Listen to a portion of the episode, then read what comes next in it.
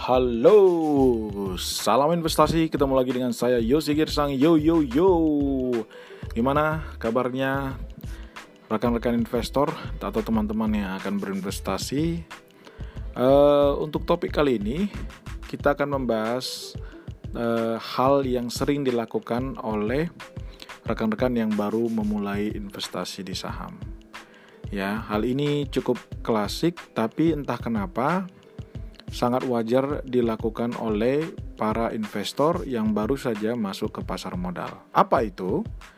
Jadi biasanya kalau ada teman-teman saya yang diskusi tentang portofolio saham, eh, yang sering saya lihat dan sangat umum terjadi adalah sering kali portofolionya diisi dengan jumlah atau jenis saham yang banyak. Banyak itu artinya bahkan bisa di atas 10 jenis saham atau 10 saham perusahaan gitu.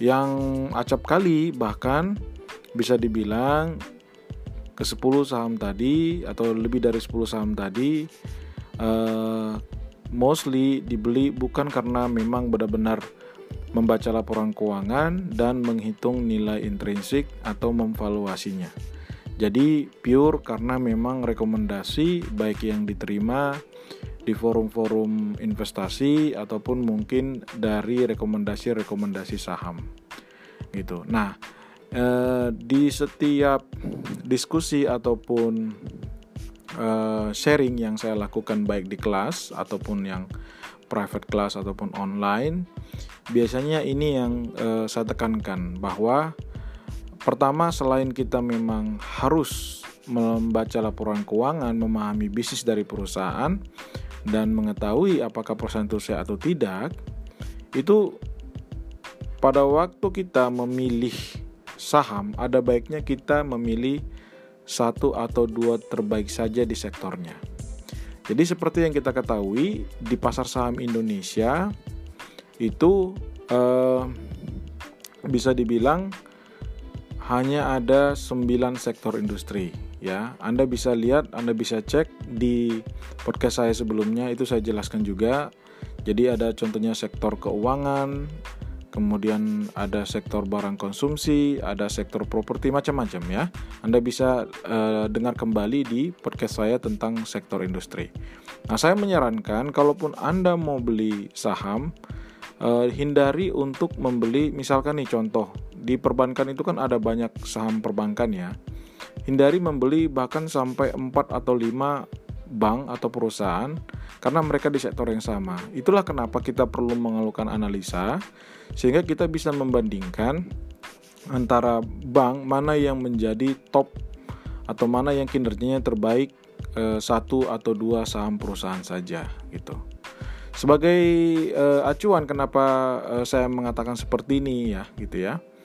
Contoh simpel saja, eh, banyak reksadana yang dikelola oleh manajer investasi, utamanya reksadana saham.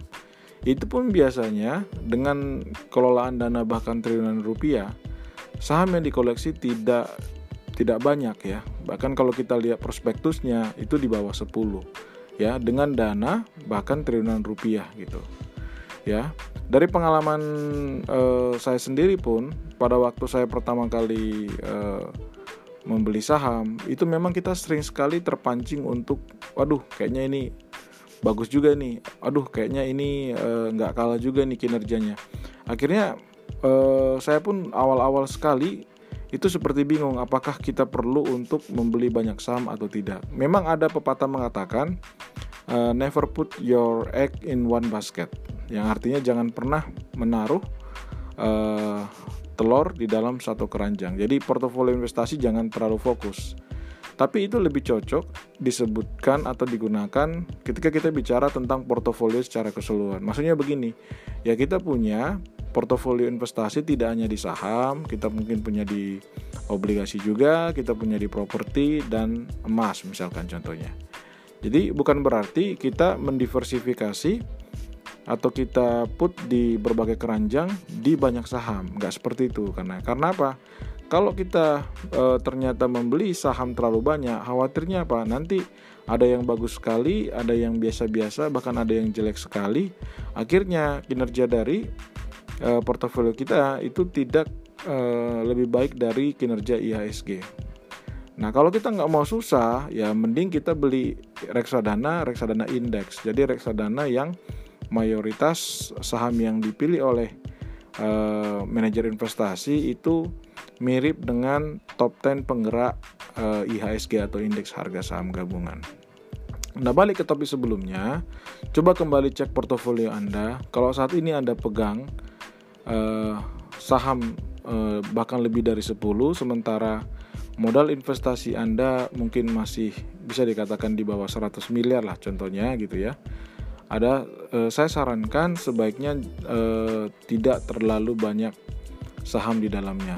Anda nggak perlu takut tentang likuiditas gitu. Contoh simpelnya begini, kalau misalkan Anda beli saham eh, BCA atau BRI ya, saham BCA atau BRI sehari saja transaksinya itu bisa hitungan ratusan miliar ya. Seingat saya itu misalkan BRI sehari bisa transaksi 200 sampai 300 miliar. Artinya apa?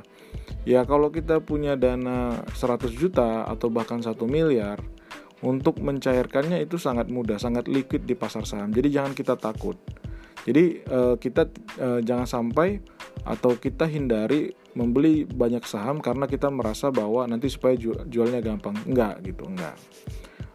Nah, seperti yang saya sebutkan di tengah-tengah tadi, jadi advice saya adalah kalau saat ini Anda sudah memiliki saham uh, yang jenisnya cukup banyak, pilihlah mana saham yang uh, top atau yang terbaik di sektornya. Jadi contohnya nih, sektor barang konsumsi ya. Anda cek, Anda bandingkan antara Unilever, ICBP, uh, eh, ada Mayora, ada Ultra Jaya, ada Sari Roti, ada macam-macam ya, ada Kalbe Farma. Anda cek mana yang menjadi top leader, pilihlah satu atau dua saham saja di sektor industrinya. Atau misalkan di perbankan ya, ada Bank BCA, BRI, Mandiri, BNI, ya ada CMB Niaga, ada BBTN, dan macam-macam. Nah Anda pilih yang terbaik saja, satu saja atau mungkin maksimum dua. Sehingga apa? Praktis sebenarnya kalau kita berinvestasi ya masih di hitungan di bawah 100 miliar pun misalkan ya udah cukup besar untuk retail ya. Mungkin retail mungkin angkanya rata-rata orang berinvestasi mungkin puluhan ratusan atau miliaran rupiah. Itu sebenarnya kita mengkip uh, top-top dari masing-masing sektor uh, dua. Jadi maksimum kita punya tiga atau empat saham aja. Itu masih mengcover kok sebenarnya gitu. Jadi jangan khawatir gitu ya mungkin itu uh, topik yang bisa kita bahas hari ini.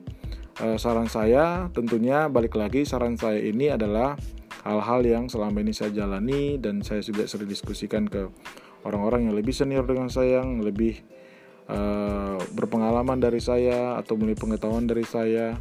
Dan tentunya dari pengalaman saya sendiri saya sarankan coba dicek lagi kalau portofolio Anda jenisnya terlalu banyak mungkin itu bisa Anda mulai kecilkan atau jumlahnya difokuskan ke uh, para top ke, kepada saham-saham yang menjadi uh, top leader dari sektornya masing-masing. Terima kasih sudah mendengarkan podcast ini.